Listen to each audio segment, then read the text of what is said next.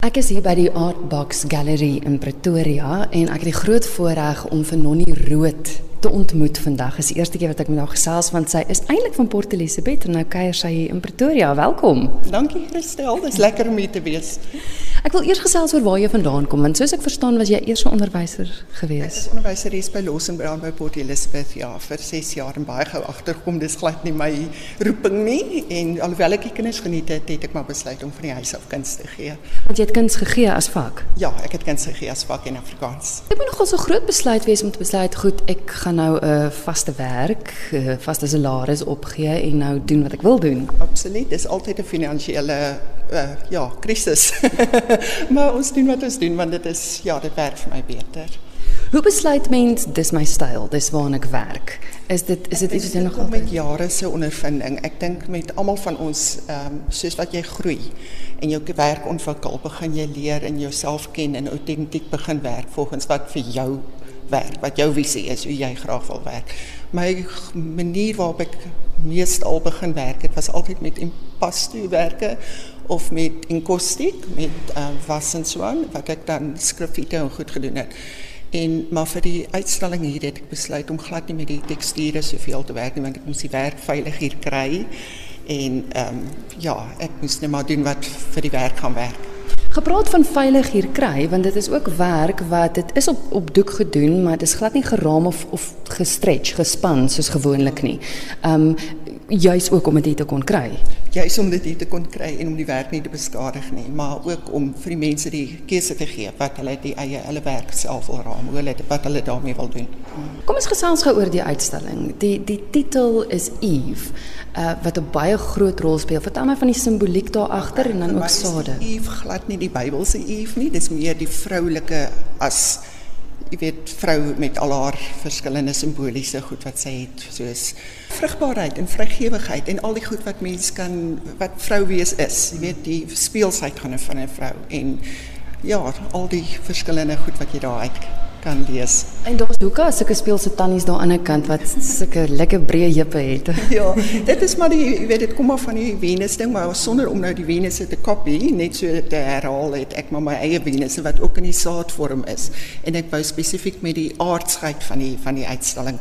Vir my is Eva 'n aardse ryk volkse vrou uh, wat ja, en daarom met die bruine, die monokromatiese klere. En soos jy sê die saad, want dit speel net so 'n geweldige belangrike rol in jou werk. Vertel my gou van die simboliek agter die saad. Ja, saad, dit alles begin met saad. Ek meen ontkieming en hoe alles ontstaan, hoe dit die seisoene aanwys, hoe die vrugbaarheid daarvan. En dit sit 'n geskiedenis, die een saad wat aangaan vir altyd, min of meer tensy ons nou Monsanto en die goed het.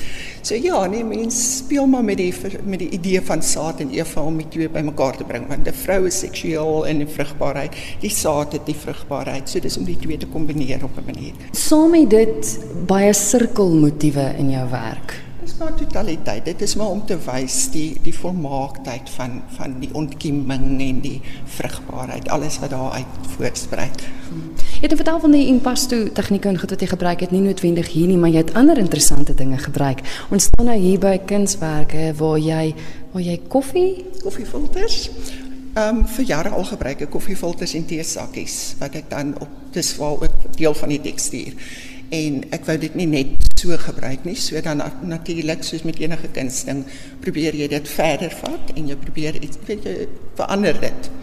En ja, so plak eers met 'n en ek het nooit 'n vooropgestelde idee nie. So ek wat ek is baie eksperimenteel kristel. So alles wat ek doen is altyd begin met 'n eksperiment.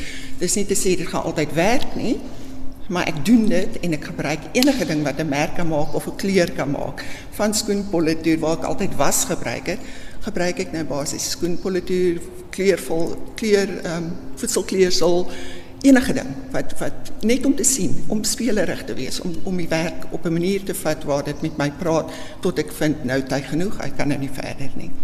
Ja, en dat is eigenlijk interessant wat jij, zoals je zei, je weet nooit wat je gaat krijgen. Nee, het is dus improvisatie. Het is een proceswerk. En dit is baie eksperimenteel soos ek sê. So dit is 'n geval van jy begin en jy het geen idee waar jy gaan eindig nie en ook om te weet wanneer om op te hou is belangrik.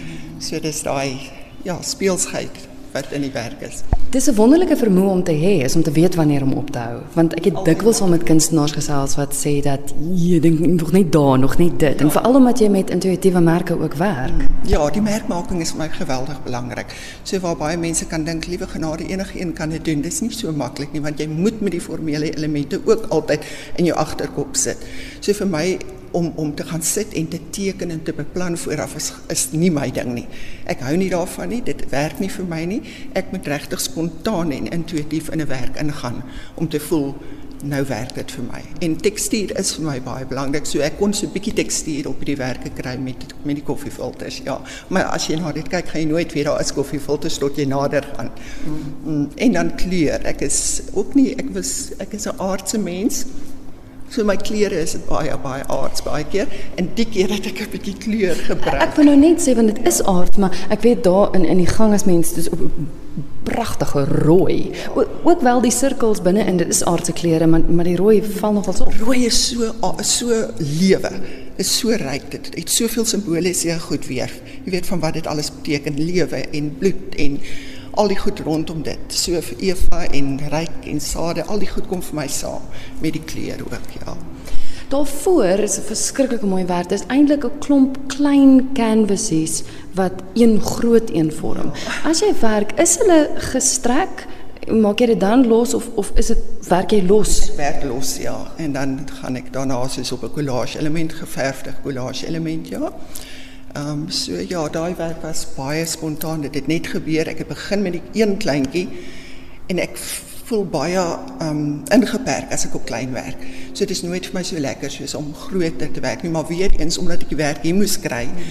Het ek gedink wel, ek het nou die klein canvases, kom ons kyk wat ons daarmee kan doen. Toe ek eh, dit herhaal wat 'n bietjie ritme in die werk gee, die ou formele goeders van kuns en toe ek dit so begin beplan om Persephone se rooi granaat idee, ja.